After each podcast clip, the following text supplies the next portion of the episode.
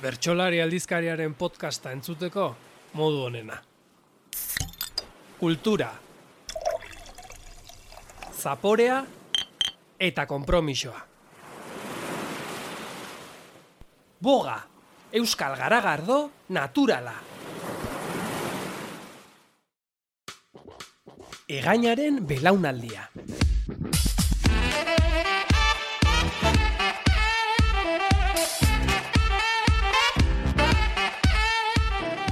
Bertsolaritzan lurrikara eragin zuen belaunaldi baten pasadizoak eta gogoetak.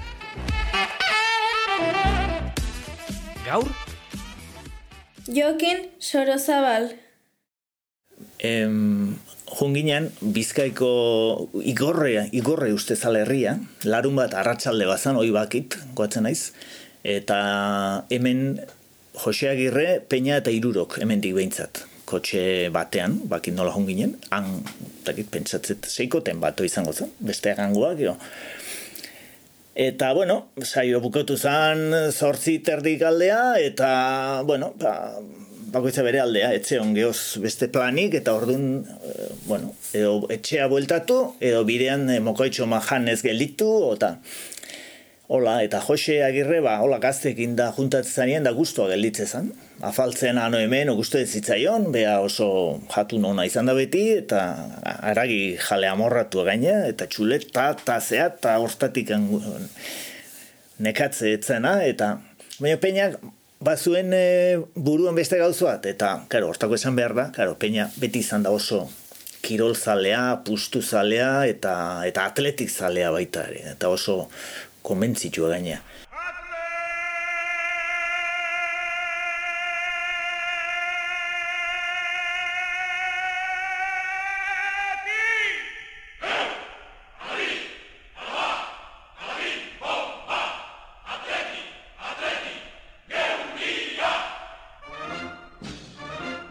Eta, claro, atletikek partidu ez zeukanan, ordu hortan, eta afaria, bai, bai, afari nun batxe, bai, bai, no, geldituko gea, zea, bai, hor bidean ikusiko deu, zeo zer, baina beak nahizun, afari ez zitzaion, nahi beste importa, beak nahizun e, atletiken partidua ondo ikusi ziteken taberna mal bilatu.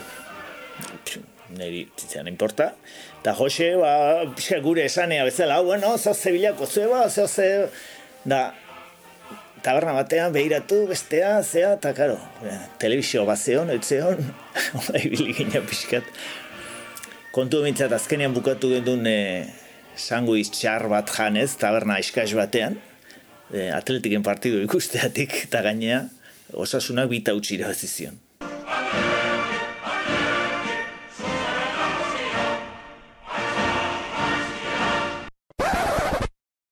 Santio eunean, errenterin, oain, oain ez dakit, baina lehen behintzat e, eguardian beti izatezan bertso saion bat. Eta normalean, garai hartan, bi bertso e, gai librean. E, iru lau bat aldizeo. Hankantatu naiz eta urte hartan, Iñaki Murua eta biok. Ni hasi berri xamarran itzan, beak baitu amarra maika urte gehiago, nik baino guapiska veteranoagoa, Eta, bueno, bertso saioen ez goatzen nola juntzen, aparteko zer gabe seguru asko. Eta bueltan, guardi behan du, izango zen, ordu bik, orduako seguru asko. Eta etxea abietzeko orduan, ba, kotxea batek punta batean, beste beste nun bait, eta, bueno, iritsi ginen partitzeko puntura, batek jo behar zuen bere kotxea, beste bestea, eta hor beti izaten da, bueno, ei, a ber, urrungoan noiz geha, eta zea, eta zea, eta ondo junta, eango txik, eta zea hoi, ez da? Kontua da, egun hortan, minutu erdiko despedida hoi, luzatu zitzaigula, ia ordu bete bat igual. Zatik angoatzen aizan espaloien, hasi ginela, hasta hasi baldima ginen, hasi, kontutan, batez ere bera, en, asko, asko luzatu zitzaigun. Eta daukat sensazioa nola, nola en, izan zen oso elkarrizketa bestakit sakona esan edo edo importantea esan edo benetakoa esan edo zeatikan hasi zangoatzen naiz jarrera, jarrera batzuk eske hemen jende mota baten jarrerak fiskaten bertso gintza inguruan, gizarte gintzan, euskal gue mundu, zea hontan politikara ere tarteka sartu atera bat zuen, eta bazeukan zerbait ola kritikatzeko gogoa, e, astintzeko gogoa, en, neri adirazi nahi zidan zerbait e, ba, bazeukan, enaiz gehi goatzen detaile bak iribilizala hor txekara jartako kontuak bak. E,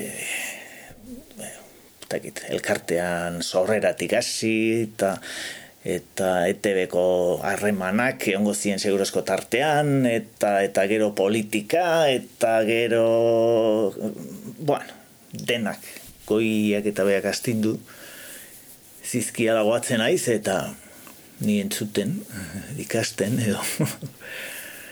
Eta bai ben, goatzen aiz oso ondo osea goguan gelditzu zitzaidan hori bai.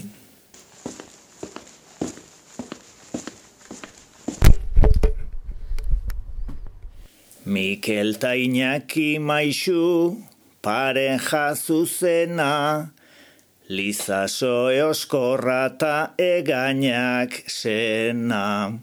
Sarasua doktore filosofo dena. Eguzkitze denetan presentablena. Peña xelebrena ta milan Juan Jose Luzena eta ni haze gazte denbora pasanuena. Haze gazte denbora pasanuena.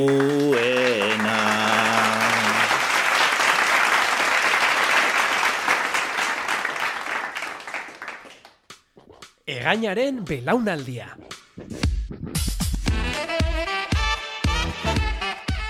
Belaunaldi honen pasadizo eta gogoeten inguruan gehiago jakin nahi baduzu, eskatu gure aleberezi hau bertsolari.eusen edo idatzi administrazioa abildua bertsolari.eusera. Ondo segi!